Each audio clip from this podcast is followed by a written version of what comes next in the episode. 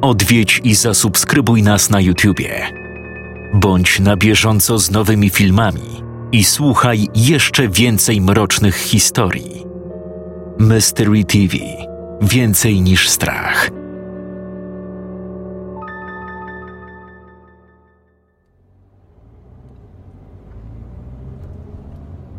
Muszę siku. O, masz.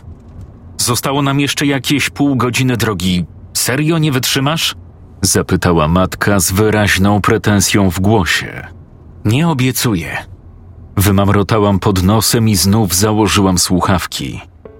Naprawdę nie rozumiałam, dlaczego mi to robi. W końcu mam już 14 lat i mogłabym zostać sama w domu na trzy dni. Ale nie. Ona twierdzi, że wszystko puszczę z dymem albo ktoś wlezie w nocy przez okno i mnie zamorduje. Fajnie. To lepiej wysłać mnie do jakiejś szalonej ciotki, której nawet najbliższa rodzina się wyrzekła, którą widziałam w życiu może dwa razy i nawet nie pamiętam, jak ma na imię. Boże, odkąd rok temu zaczęła pracować w tej chorej branży, coś jej się pomieszało w głowie.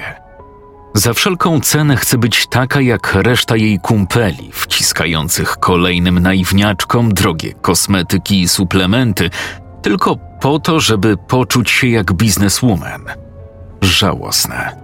Wystarczy, że jakaś babka wyda prawie pół pensji na te wszystkie cud produkty i automatycznie czuje się młodsza i piękniejsza.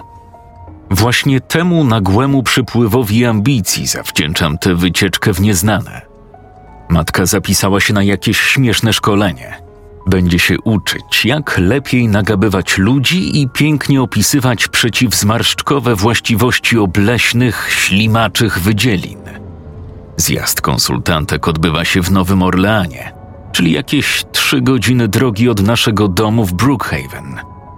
Niestety, nie będę mogła zabawić się na kolorowych i głośnych uliczkach największego miasta w Luizjanie. Za paręnaście minut dojedziemy do Covington, małej, zabitej dechami dziury, gdzie w dużym domu mieszka samotnie siostra mojej babki, ciotka Cheryl. Mamo, proszę cię, nie zostawiaj mnie u tej wariatki. Przyrzekam, że nie będę przeszkadzać. Będę siedzieć cichutko i nawet nie zauważysz, że z tobą przyjechałam. Lori, już o tym rozmawiałyśmy. Nie mogę zabrać cię ze sobą. To tylko dwie noce. Zobaczysz, nie będzie tak źle. Fakt, ciotka może i jest specyficzną osobą, ale myślę, że się dogadacie. Na pewno krzywdy ci nie zrobi. Super. Tylko nie bądź zdziwiona, jak później przyjedziesz i zobaczysz gdzieś na podwórku moje zaszlachtowane ciało. Mówiąc to, rzeczywiście czułam lekki niepokój. Po pierwsze, nie lubiłam takich odwiedzin urodzinki, dalekich krewnych czy znajomych. Po drugie, ciotka Cheryl naprawdę jest nienormalna. Po śmierci swojej starszej siostry, czyli mojej babci, przeszła jakieś ostre załamanie nerwowe, ale już jako młoda dziewczyna wpadła w nieciekawe towarzystwo.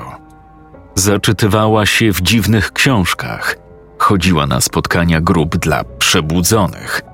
Potem próbowała leczyć się kryształami, kamieniami, ziołami, aż w końcu cała rodzina się od niej odwróciła, ograniczając kontakt do minimum. Mimo wszystko poszczęściło jej się w życiu. Nigdy nie wyszła za mąż i nie miała dzieci, czyli może cieszyć się świętym spokojem w dużym domu, który zapisała jej w spadku jakaś samotna, starsza kobieta. Cheryl zaczęła u niej pracować jako opiekunka jakieś 40 lat temu. Właścicielka posiadłości zmarła po 10 latach i jako, że nie miała bliskiej rodziny, chciała w ten sposób okazać wdzięczność za opiekę i dotrzymywanie towarzystwa przez cały ten czas. Z tego co wiem, będę chyba pierwszym członkiem rodziny, który dostąpi wątpliwego zaszczytu nocowania w tej rezydencji. W sumie zastanawiam się, czemu ciotka tak chętnie się zgodziła, skoro tak naprawdę mnie nie zna. Może mama obiecała, że załatwi jej jakąś wyjątkowo skuteczną kurację odmładzającą. Dochodziła szesnasta. Nasz samochód podjeżdżał właśnie przed bardzo okazały, piętrowy dom o zielonkawym dachu. Na pierwszy rzut oka budynek prezentował się imponująco. był o wiele większy od naszego. Na piętrze po całej szerokości rozciągał się balkon z białą balustradą o gęsto rozmieszczonych tralkach. Zielone okiennice ładnie komponowały się z dachówkami i ceglaną częścią elewacji parteru. Wokół rosło dużo drzew osłaniających budynek od wzroku najbliższych sąsiadów. Jednak już po chwili dało się zauważyć ślady starości i zaniedbania psujące idealny widok. Na poddaszu od strony ulicy wbudowane były jeszcze trzy małe, ale kompletnie zakurzone okna. Z bliska zobaczyłam, że zieleń dachu wcale nie była jego pierwotną barwą. Wynikała raczej z brudu i dziwnego roślinnego osadu, podobnego do mchu. Żywopłot przy ścieżce prowadzącej do wejścia wydawał się od dawna nieprzycinany. Na ganku przed frontowymi drzwiami stała starsza, przygarbiona kobieta. Była szczupła, siwe włosy miała spięte w niski kok. Ubrana w zwiewną, kwiecistą spódnicę sprawiała wrażenie typowej, miłej babci. Mama zatrzymała się, ale nie zgasiła silnika. Nie wejdziesz tam ze mną? Kochanie, nie mam zbyt wiele czasu. Konferencja zaczyna się o 18, a ja chciałabym być wcześniej, żeby zdążyć się jeszcze rozpakować i przebrać. Wytłumaczyła, podając mi torbę z tylnego siedzenia. No, już. Śmiało. Będę po ciebie w niedzielę po południu, pewnie jakoś o tej porze. Wysiadłam z samochodu. Mama pomachała ręką w stronę staruszki, krzycząc przez otwarte okno: Dzięki, Cheryl! I odjechała. Zostałam z nią sam na sam. Czekała mnie bardzo niezręczna chwila przywitania, połączona z niewygodną pogawędką o tym, jaka to już jestem duża panienka. Wszystko stawało się jeszcze bardziej niezręczne w obliczu tego, że czułam ogromne parcie na pęcherz i myślałam tylko o tym, żeby szybko znaleźć toaletę. Ech, dzień dobry. Witaj, Lori. Słyszałam, że spędzimy ze sobą trochę czasu. Wejdź. Na pewno chętnie skorzystasz z toalety po podróży. Właśnie podaję do stołu. Zjemy razem obiad i trochę pogawędzimy przy okazji. No chodź, zapraszam. Mm, nie było tak źle, pomyślałam, wchodząc za nią do środka. Tuż za progiem zobaczyłam rozległe wnętrze domu. Wysoki sufit jeszcze bardziej potęgował wrażenie przestrzeni. Wystrój był utrzymany raczej w staroświeckim stylu, a ostatni remont na pewno miał miejsce ładnych paręnaście lat temu. Ściany zdobiły pożółkłe, wyblakłe tapety. Na parkiecie leżały wielkie dywany o dziwnych, fikuśnych wzorach i wszędzie unosił się mocny, drażniący wręcz aromat jakichś świec zapachowych, a może kadzidełek. Naprzeciwko wejścia znajdowały się szerokie drewniane schody prowadzące na piętro. Po lewej stronie, parę metrów dalej, dostrzegłam stojący w głębi nakryty stół w jadalni. Cheryl zatrzymała się przy schodach i wskazała ręką drzwi do toalety, trochę dalej, po prawej stronie. Na tym etapie nie zauważyłam jeszcze niczego niepokojącego, nie bardziej niż u innych starych ludzi, których zdarzało mi się odwiedzać. Łagodnym głosem, z życzliwym uśmiechem na twarzy, ciocia zaprosiła mnie do jadalni i zasiadłyśmy do obiadu. Podała jakąś niepozornie wyglądającą potrawkę z mięsem, ryżem i warzywami, ale z racji tego, że zdążyłam już porządnie zgłodnieć, bardzo mi smakowało.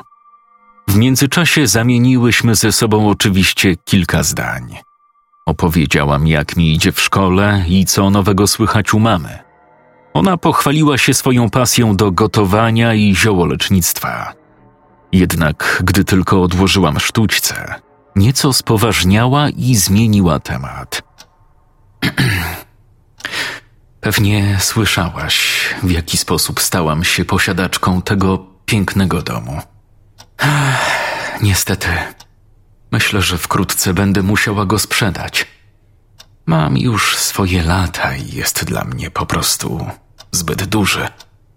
Poza tym bywa już trochę, jakby to powiedzieć, upierdliwy. To znaczy? Wiesz, ta posiadłość jest bardzo wiekowa, moje dziecko. I jak to już z takimi bywa, ma swoje humory. Dlatego chciałabym powiedzieć ci coś bardzo ważnego. Otóż w moim domu obowiązuje kilka zasad, o których musisz pamiętać, żeby twój czas tutaj minął spokojnie, bez żadnych zakłóceń. Oho, zaczyna się. Po pierwsze, załóż to na szyję i noś cały czas przebywając tutaj. Oznajmiła, wkładając mi w rękę łańcuszek z jakimś wisiorkiem, który przypominał monetę przewierconą na wylot. Możesz to potraktować jako prezent powitalny. Super, bardzo gustowny. Uśmiechnęłam się w myślach. Dziękuję. Ale raczej nie noszę biżuterii. To nie jest zwykła biżuteria, moja droga. W tych stronach wierzymy, że działa jak talizman chroniący przed złymi duchami. Sama mam podobny. Pokazała srebrną monetę na sznurku, odsłaniając przy okazji szyję obwieszoną różnymi wisiorkami i koralikami. Obiecaj, że go nie zdejmiesz, dopóki tu jesteś. No dobrze.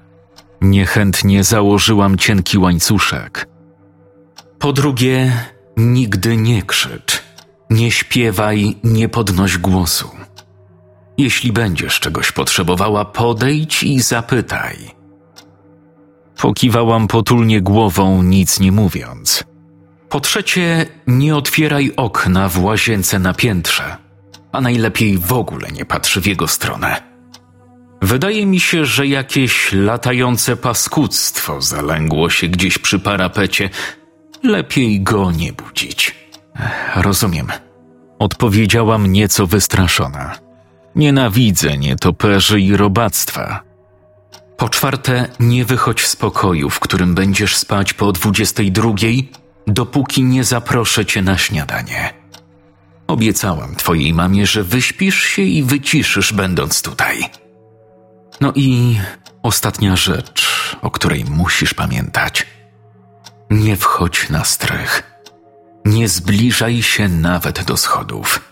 Co na myśli, że będę ją szpiegować i włazić w każdy kąt tego ogromnego domu? Niby po co? Chcę tylko przetrwać jakoś te dwie noce i wracać do siebie. Dobrze, ciociu. Chyba rozumiem. Postaram się nie nabroić, ależ ja wiem, że jesteś grzeczna. Po prostu walczę z kornikami. Jest tam rozsypanych dużo śmierdzących środków owadobójczych. Matko święta, nietoperze, korniki. Niech ona lepiej sprzeda ten dom, póki on jeszcze stoi. Jesteś taka podobna do swojej babci, kiedy była w twoim wieku. Naprawdę była cudowną osobą. Szkoda, że choroba zabrała ją tak szybko. Wiem, mama dużo mi o niej opowiadała. Bardzo jej współczuję. Była w moim wieku, kiedy babcia zmarła. Wiadomo, że czasem się na siebie wkurzamy, ale nie wyobrażam sobie teraz żyć bez swojej mamy. Staruszka zawiesiła wzrok gdzieś na ścianie za moimi plecami i długo nic nie mówiła. Wyglądała tak, jakby coś sobie przypomniała i odtwarzała w głowie jakieś bolesne wspomnienie, które lekko wytrzeszczyło jej oczy i wykrzywiło usta w złowrogim grymasie. W końcu otrząsnęła się. Jeszcze raz przypomniała o zasadach i zaprowadziła mnie do pokoju gościnnego na piętrze. Był dwa razy większy od sypialni w moim domu, ale dużo mniej przytulny – Wewnątrz było ciemno. Śmierdziało kurzem i stęchlizną. Jedyną rzeczą, którą chętnie zabrałabym ze sobą, było szerokie i wygodne łóżko. Rozpakuj się i odpocznij. Jeśli będziesz miała ochotę, zejdź później na herbatę. Dziękuję. Odpowiedziałam, rozsiadając się na miękkim materacu. Rozejrzałam się trochę.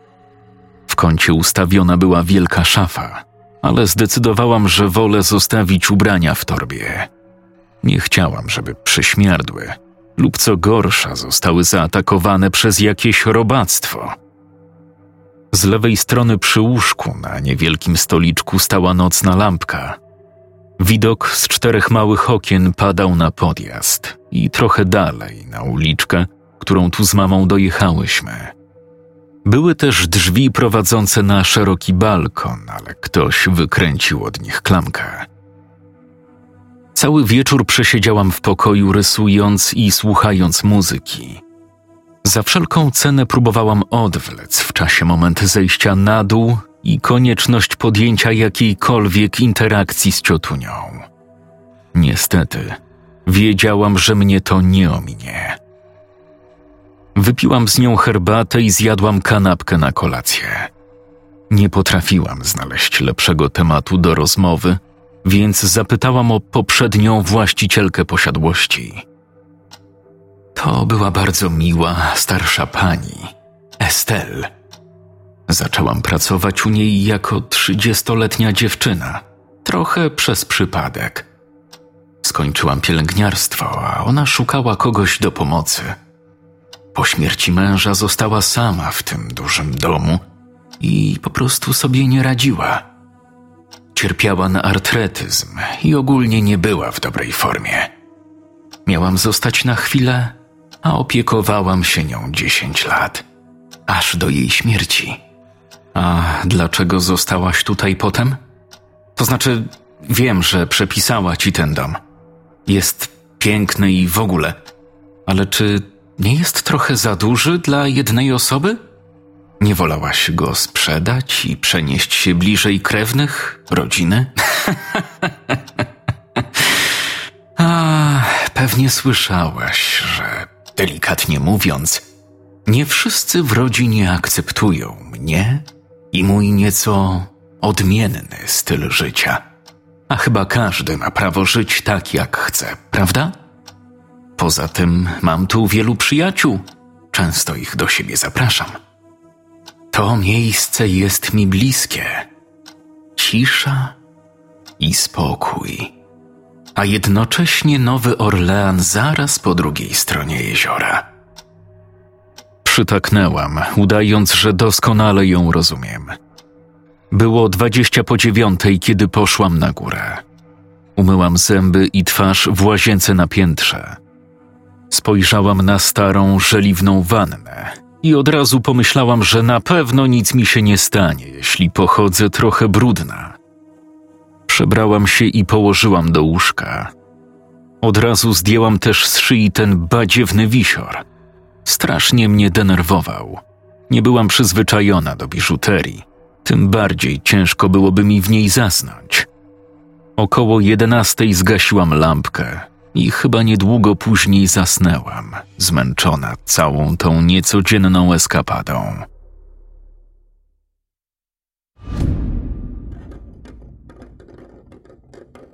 Otworzyłam oczy. W pokoju panowała kompletna ciemność. Wybudził mnie dziwny dźwięk. Cichy, ale jednocześnie bardzo wyraźny i zdecydowany. Przypominało to powolne skrobanie po suficie, jakby ktoś przesuwał po nim paznokciami. Na początku pomyślałam, że to te korniki, o których mówiła. Pewnie nie dają w nocy spać. Niepokoiła mnie tylko jednostajność tego dźwięku i to, że jego źródło zdawało się zmieniać położenie. Najpierw słyszałam to na drugim końcu pokoju a teraz przesunęło się już nad łóżko i było dokładnie nad moją głową. To wystarczyło, żeby mnie wystraszyć. Ciociu? Ciociu Cheryl? Co ja robię? To idiotyczne. Jak niby miałaby to usłyszeć, skoro jej pokój jest po drugiej stronie korytarza? No ale nie będę przecież wrzeszczeć. Jest środek nocy i w sumie nic takiego się jeszcze nie dzieje. Poza tym dwa razy przypomniała mi, żeby nie krzyczeć, choćby nie wiem co. Nagle drapiący odgłos przesunął się w lewo, w stronę drzwi i zaczął schodzić coraz niżej po ścianie. Teraz słyszałam go już głośno i wyraźnie. Coś spełzało z sufitu. Wpadłam w panikę i natychmiast rzuciłam się w stronę lampki. Usiłowałam wymacać przełącznik na kablu, ale nie mogłam go znaleźć. Sięgnęłam prawą ręką dalej, za szafkę. I w tym momencie poczułam, jak zimna, koścista dłoń chwyta mnie z całej siły za nadgarstek. Zaczęłam wrzeszczeć jak opętana. Cokolwiek to było, nie zamierzało mnie puścić i z hukiem spadłam z łóżka na podłogę. Poczułam ogromny ciężar na klatce piersiowej. Nie mogłam nabrać powietrza. Coś mnie przygniatało i krępowało każdy ruch. Chwilę później usłyszałam za ścianą piekielny krzyk. To była Cheryl. Powtarzała w kółko: Zamknij się! Zamknij się! Zamknij się wreszcie! Przestań się drzeć, już nie wytrzymam! Nie wytrzymam!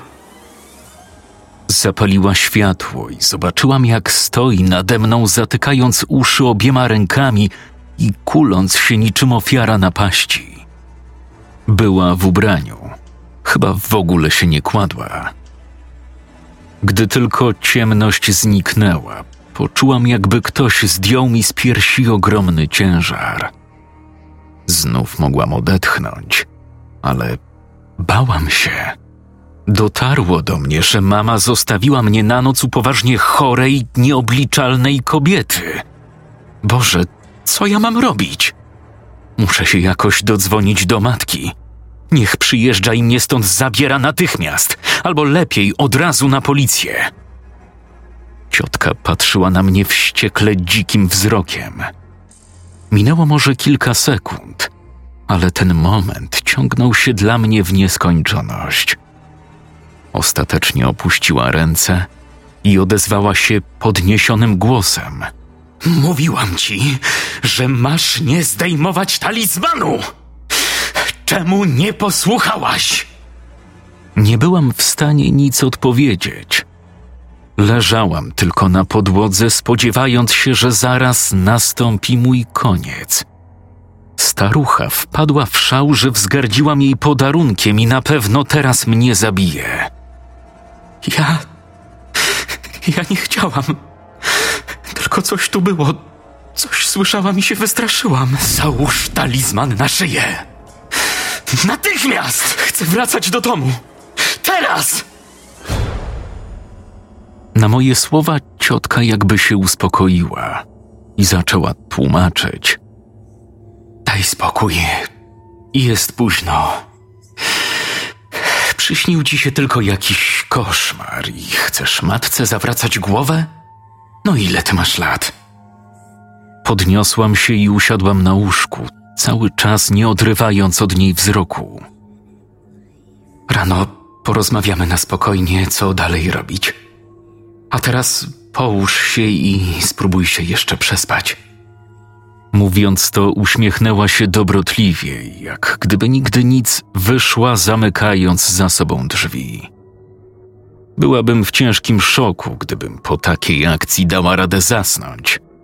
Chociaż nie zapalałam już lampki, w ciemności, która ogarniała całe pomieszczenie, nie byłam w stanie nic dojrzeć. Miałam cały czas szeroko otwarte oczy. Przewracałam się z boku na bok. Nasłuchiwałam jak nigdy w życiu nie mogłam doczekać się poranka. Za oknami było już szarawo. Zaczynało się rozjaśniać. Usłyszałam pukanie do drzwi i głos stojącej za nimi Cheryl. Zapraszam na śniadanie. Nie miałam najmniejszej ochoty na rozmowę z tą niezrównoważoną kobietą. Bałam się jej. Bałam się tego okropnego domu. Siedziałam w sypialni jeszcze przez godzinę. Nic się nie działo. Nie przyszła ponownie. Nie wołała z kuchni. Postanowiłam, że muszę działać, więc ogarnęłam się, przebrałam i zeszłam na dół. W jadalni czekał na mnie ładnie zastawiony stół. Świeże bułeczki, konfitury, ser, herbata.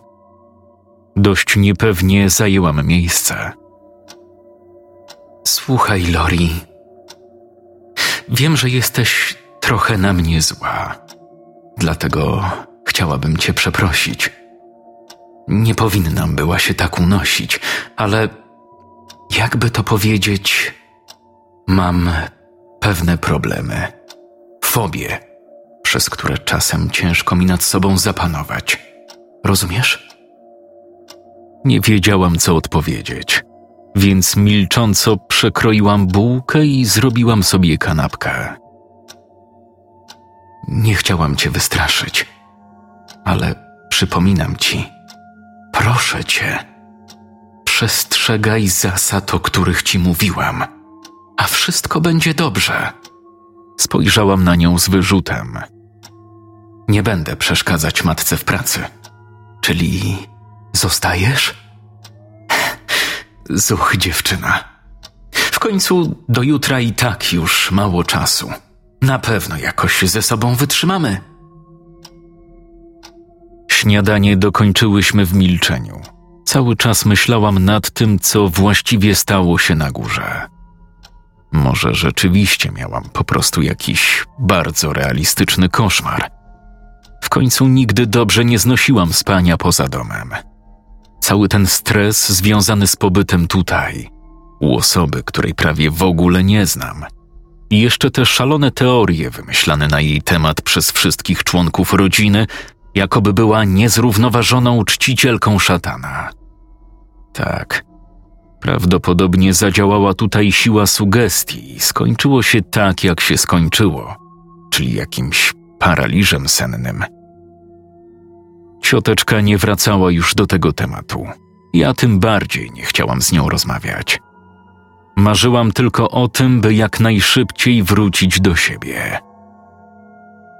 Nie bardzo miałam ochotę wyjść i spacerować w samotności po nieznanej okolicy. Jedyne co mi pozostało, chcąc uniknąć obecności ciotki, to zamknąć się w pokoiku na górze i wsadzić nos w telefon.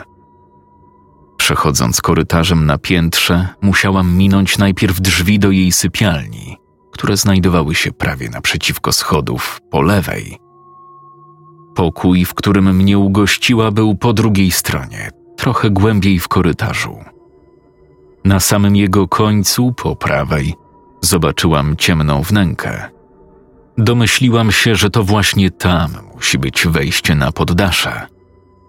Ciekawe, czy te dziwne dźwięki, które obudziły mnie w nocy, naprawdę mogły być spowodowane przez korniki. Ciekawe, czy usłyszałabym je teraz, w środku dnia, gdybym podeszła trochę bliżej. Wiem, że ciotka zakazała wejścia na strych, ale ja nie zamierzałam nawet postawić stopy na tych schodach. Chciałam tam tylko zajrzeć, tylko przez chwilę posłuchać. W świetle dnia zawsze wszystko wydaje się inne, jakieś takie normalne i mniej straszne. Przeszłam więc do końca korytarza. Spojrzałam w prawo i zobaczyłam kilka wąskich, drewnianych schodków prowadzących do ciemnych drzwi z zawiniętą, bardzo fikuśnie wyglądającą klamką. Zatrzymałam się na chwilę i wpatrując się w pierwszy stopień, nasłuchiwałam. W domu panowała kompletna cisza. Nie słyszałam nic poza własnym oddechem. Po chwili spojrzałam jeszcze raz w górę, w stronę tajemniczych drzwi. Na ich ciemnym tle, w progu na dole, odbijała się gruba, biała linia. Była nierówna, jakby z czegoś usypana. Dziwne. Ani myślałam tam wchodzić. I bez jej głupich zasad wiedziałam, że szperanie komuś po kątach jest raczej nieeleganckie. Nagle usłyszałam kroki dochodzące z holu na dole. Przestraszyłam się, myśląc, że ciotka nakryje mnie zaraz stojącą przed schodami, do których miałam się nawet nie zbliżać. Szybko się wycofałam i weszłam do łazienki. Znajdowała się naprzeciwko pokoju gościnnego, w którym spałam. Z zamkniętych drzwi nie słyszałam, żeby ktoś wchodził po schodach. Fałszywy alarm. Pomyślałam jednak, że skoro już tu weszłam, to może jednak dobrze byłoby skorzystać z toalety, póki na dworze jest przyjemnie jasno i słońce wpada jeszcze przez wąskie, łazienkowe okno z ornamentową szybą. Właśnie kończyłam myć ręce, kiedy rozległo się głośne kapanie z wanny ustawionej zaraz pod oknem. Kolejne krople dzwoniły o dno. Zdawało mi się, że ich spadanie niepokojąco nabiera tempa. Spojrzałam na kran. Rzeczywiście leciały z niego wielkie krople, które zaczęły łączyć się w jedną sączącą stróżkę. No dobra, może trzeba dokręcić kurki, tak jak czasem u nas w domu. Pomyślałam i nachyliłam się, żeby to zrobić. O dziwo to wystarczyło, żeby znowu nastała cisza.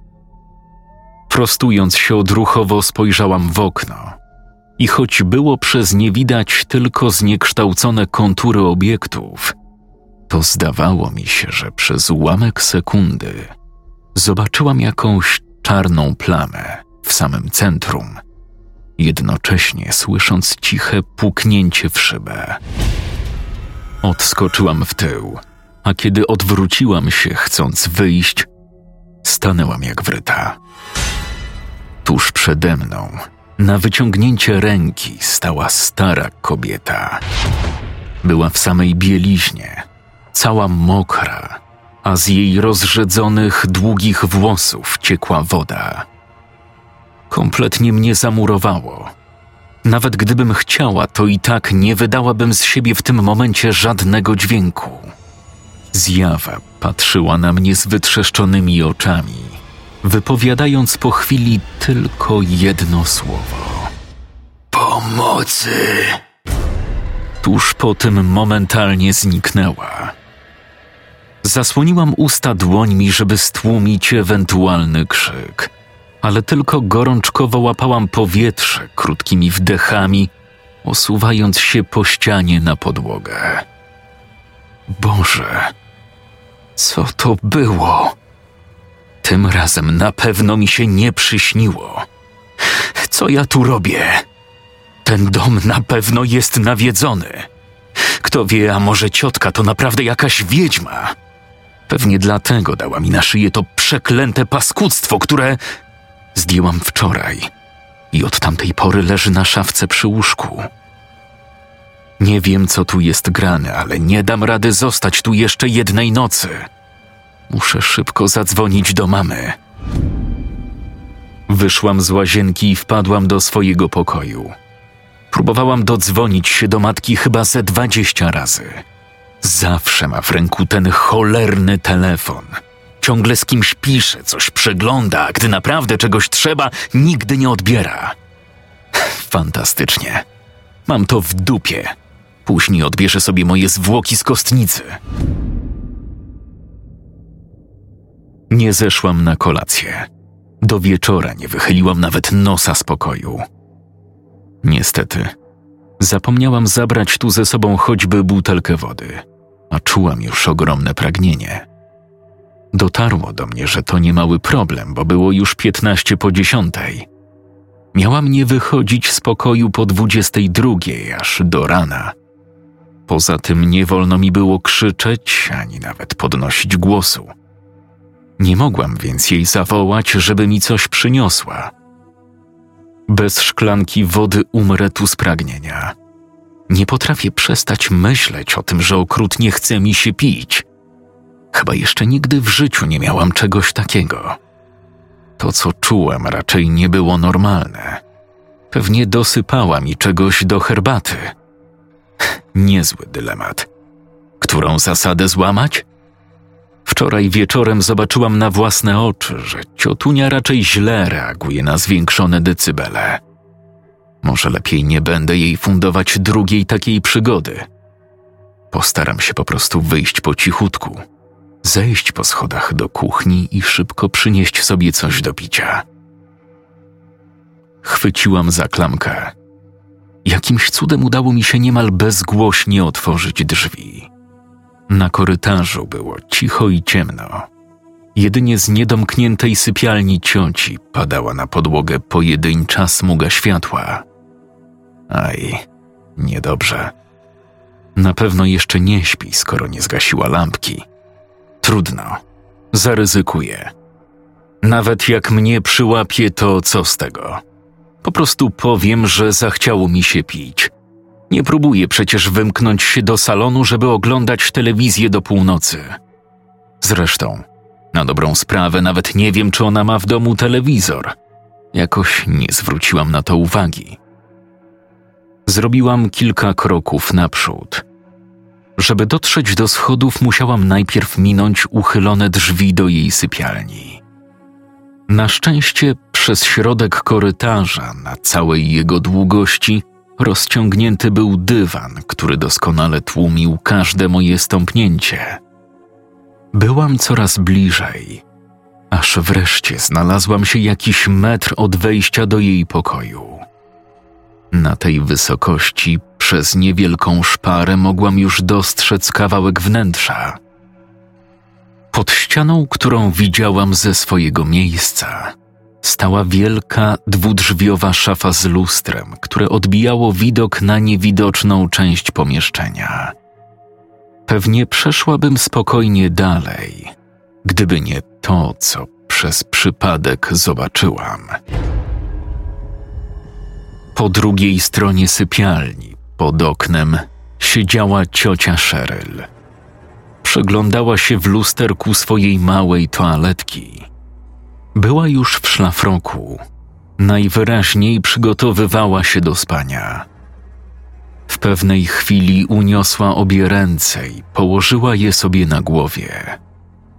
Zaczęła jakoś dziwnie masować się przy skroniach. Potem przeniosła dłonie na kark i zaczęła poruszać nimi tak, jakby chciała delikatnie poprawić zwinięte w luźny kok włosy. Nagle jej palce zniknęły gdzieś pod ich powierzchnią i jednym sprawnym ruchem siwe kłaki oderwały się od głowy. Trzymała teraz w rękach bardzo realistycznie wyglądającą perukę. Niesamowite. Odłożyła ją na bok, po czym rozpuściła swoje prawdziwe włosy splecione w ciasny warkocz. Na kark i ramiona spadły lśniące brązowe kosmyki, sięgające długością mniej więcej do łopatek. To jeszcze nic.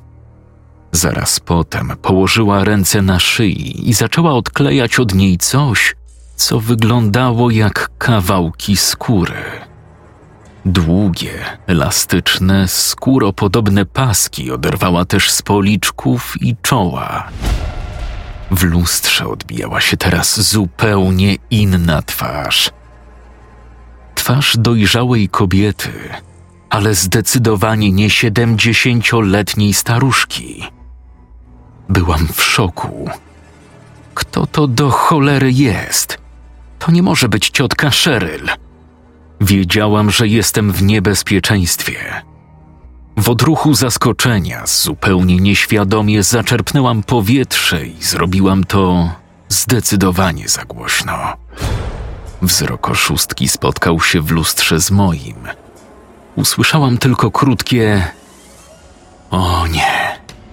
Po czym natychmiast wstała z krzesła. Instynktownie cofnęłam się. Bezmyślnie w popłochu uciekłam na drugą stronę korytarza. Kobieta wyszła z pokoju i zawołała: Loren, wracaj tu. Nie wolno ci tam wchodzić. Nie zbliżaj się do mnie, słyszysz? Nie wiem, kim jesteś, ale na pewno nie moją ciotką. Mówiąc to, zdałam sobie sprawę, że kobieta odcięła mi drogę ucieczki. Cały czas szła w moją stronę, spychając coraz głębiej, aż do końca korytarza. Moją jedyną szansą na schronienie były już tylko tajemnicze drzwi prowadzące na poddasze. W tym momencie nie myślałam już zupełnie o żadnych jej chorych zasadach. Ruszyłam po schodach na górę. Chwyciłam za klamkę. Na szczęście drzwi nie były zamknięte na klucz. Przekroczyłam wysoki próg, potrącając nogą wysypany na nim biały proszek. Zamknęłam za sobą i oparłam się o drzwi całym ciężarem ciała, spodziewając się, że wariatka zaraz zacznie dobijać się do środka. Przez kilka sekund rozejrzałam się dookoła. Całą sporą powierzchnię strychu delikatnie oświetlały płomienie świec, ustawione gdzieniegdzie na podłodze i starych meblach. W małych, brudnych oknach wisiały jakieś szmaty. Wszędzie unosił się bardzo dziwny zapach starych ubrań zmieszany z aromatem świec. Jednak po chwili cała moja uwaga skupiła się na tym, co znajdowało się trochę dalej, po prawej stronie. W starym, bujanym fotelu siedziało coś, co przypominało manekina. Nieruchoma postać bez twarzy, okryta prześcieradłem, miała na głowie perukę podobną do tej, którą zdjęła podająca się za ciotkę kobieta. Na szyi upiornej kukły wisiał niewielki, chyba skórzany woreczek. W tym momencie poczułam mocne uderzenie z drugiej strony drzwi. Natychmiast wychodź! Nic nie mówiąc, zacisnęłam zęby i jeszcze mocniej oparłam się o drzwi. Czułam, jak w oczach zbierają mi się łzy. Nie wiedziałam, co mam dalej robić. Stąd nie było wyjścia. Wiedziałam, że jeśli zaraz jakimś cudem do domu nie wpadnie armia policjantów, mój wypad do niby krewnej nie skończy się dobrze. Loren? Otwórz drzwi. Wszystko ci zaraz wytłumaczę, tylko błagam, niczego nie dotykaj. To bardzo niebezpieczne. Dalej nie odpowiadałam. Poczułam za to, że jakaś dziwna siła ciągnęła mnie w stronę tego upiornego manekina. Zawiesiłam wzrok na czarnym woreczku umieszczonym na jego szyi. Nie mogłam oderwać od niego spojrzenia. Pomyślałam, że gorzej już być nie może i muszę zaryzykować. Odsunęłam się od drzwi i biegiem ruszyłam w stronę siedzącej w fotelu lalki. Po chwili drzwi się otworzyły i na strych weszła tajemnicza nieznajoma. Widziałam, jak na jej twarzy strach miesza się ze złością. Odejdź stamtąd, bo co? Kim jesteś? No mów! Miałam co do ciebie inne plany, dzieciaku. Ale nic z tego nie wyjdzie, skoro nie potrafisz przestrzegać zaledwie pięciu prostych zasad. Kim jesteś i co robisz w domu mojej ciotki? Przestań się drzeć! Jeszcze się nie domyśliłaś, idiotko? Gdybyś się trochę uważniej rozglądała, zobaczyłabyś, że zajmuję się czymś o wiele bardziej potężnym niż zielarstwo. Jesteś takim samym niedowiarkiem jak cała reszta rodzinki. Co zrobiłaś z Sheryl? Sheryl to ja! Kiedy moja ukochana siostra, a twoja babcia ciężko zachorowała, wszyscy szukali jakiegoś cudownego sposobu, żeby ją uratować. Chociaż lekarze nie widzieli dla niej już żadnej szansy. Tak się złożyło, że ja znałam sposób, by przywrócić ją do zdrowia. Wystarczyło odprawić jeden rytuał i wszystko wróciłoby do normy. Miałam przygotowane odpowiednie składniki, miejsce, wiedzę i sposobność. Widzisz, tak się składa, że rytuał, który miał zapewnić odkupienie zdrowia twojej babki, wymagał złożenia ofiary z innego życia. W tym samym czasie pracowałam, opiekując się z niedołężniałą właścicielką tego domu. Estel i tak była już stara, a Elizabeth miała przed sobą jeszcze wiele wspaniałych lat. Mogła wychować swoją córkę, poznać wnuczkę. Mogło nam się udać, gdyby nie to, że była taka głupia. Nie chciała nawet słyszeć o poświęceniu Estelle. Zabiłaś tę właścicielkę? To.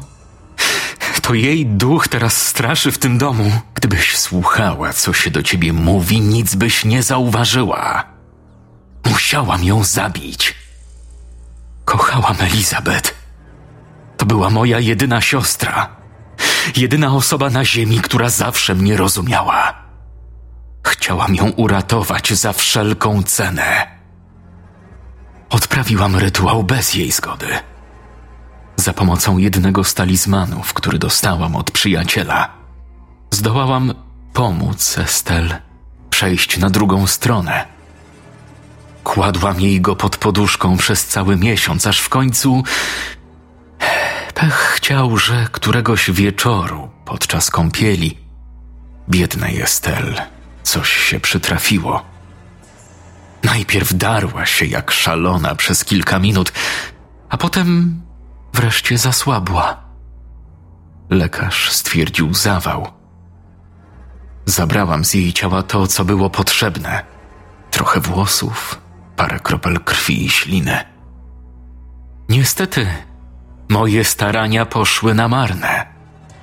Pomimo śmierci Esteli rytuału, który odprawiłam, Elizabeth zmarła po trzech miesiącach. Dopiero później zrozumiałam, że coś poszło nie tak. Przestałam się starzeć. Zamiast uratować życie siostry, zapewniłam sobie odporność na upływający czas. Nie. To nie może być prawda. Ja na pewno śnię. Nafaszerowałaś mnie jakimiś prochami. To na pewno mi się śni. Uspokój się już i niczego nie dotykaj. Nie rozumiałam dlaczego, ale sięgnęłam ręką do skórzanego woreczka i zerwałam go z szyi kukły. Zostaw to! Natychmiast odłóż na miejsce! Krzyknęła, a w jej głosie usłyszałam tę samą wściekłość co poprzedniej nocy. Gdy ścisnęłam dziwny naszyjnik, Cheryl zatrzymała się i zastygła w jednej pozycji. Wyglądało na to, że nie była w stanie się ruszyć. Jakaś paranormalna siła trzymała ją w miejscu i nie pozwalała wykonać żadnego ruchu. Zostaw to! Słyszysz? Wszystko zepsujesz! Wrzeszczała coraz głośniej, a ja, ciągle trzymając woreczek w dłoni, przesuwałam się powoli przy ścianie, kierując w stronę drzwi. Mniej więcej w połowie drogi nieopatrznie potrąciłam stopą jedną z zapalonych świec. Ta przewróciła się prosto w zwinięty kawałek materiału leżący na podłodze. Natychmiast zajął się ogniem, jakby został wcześniej nasączony jakąś łatwopalną substancją. W mgnieniu oka płomienie przeskoczyły na kolejne graty ustawione pod ścianą. Odłóż to na miejsce! Zostaw to! Wciąż wykrzykiwała i nadal nie mogła się ruszyć. Płomienie dotarły w końcu do fotela, na którym siedziała upiorna kukła. Momentalnie zajęły całą prawą stronę poddasza. Wiedziałam, że muszę uciekać. Niewiele myśląc, cisnęłam skórzanym woreczkiem prosto w rozszalały ogień i szybko stamtąd wybiegłam. Nie! Usłyszałam za sobą paraliżujący wrzask. Cała zapłakana i roztrzęsiona ze strachu. Chwilę później zapukałam do drzwi najbliższych sąsiadów.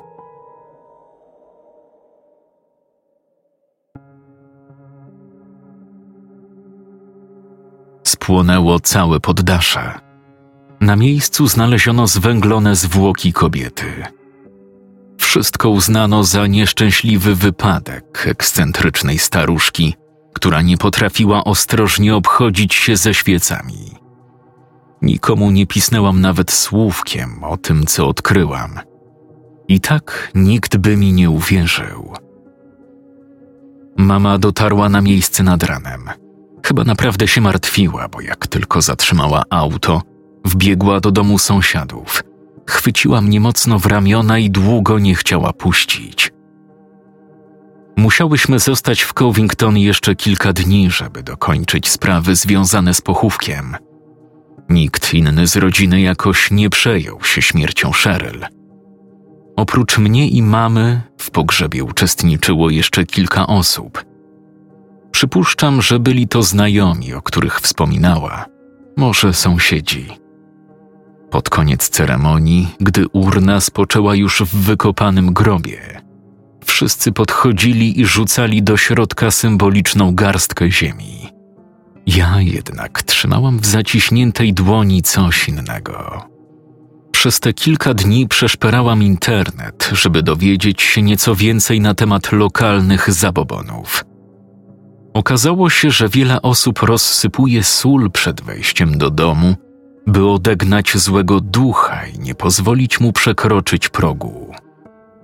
Podeszłam więc do grobu i nachylając się nad kubką ziemi przygotowaną do jego zasypania, dla niepoznaki dobrałam w zaciśniętą dłoń trochę piachu. Potem wszystko wyrzuciłam w dół, patrząc jak drobinki ziemi i soli rozsypują się na urnie. To tak na wszelki wypadek. Lepiej dmuchać na zimne.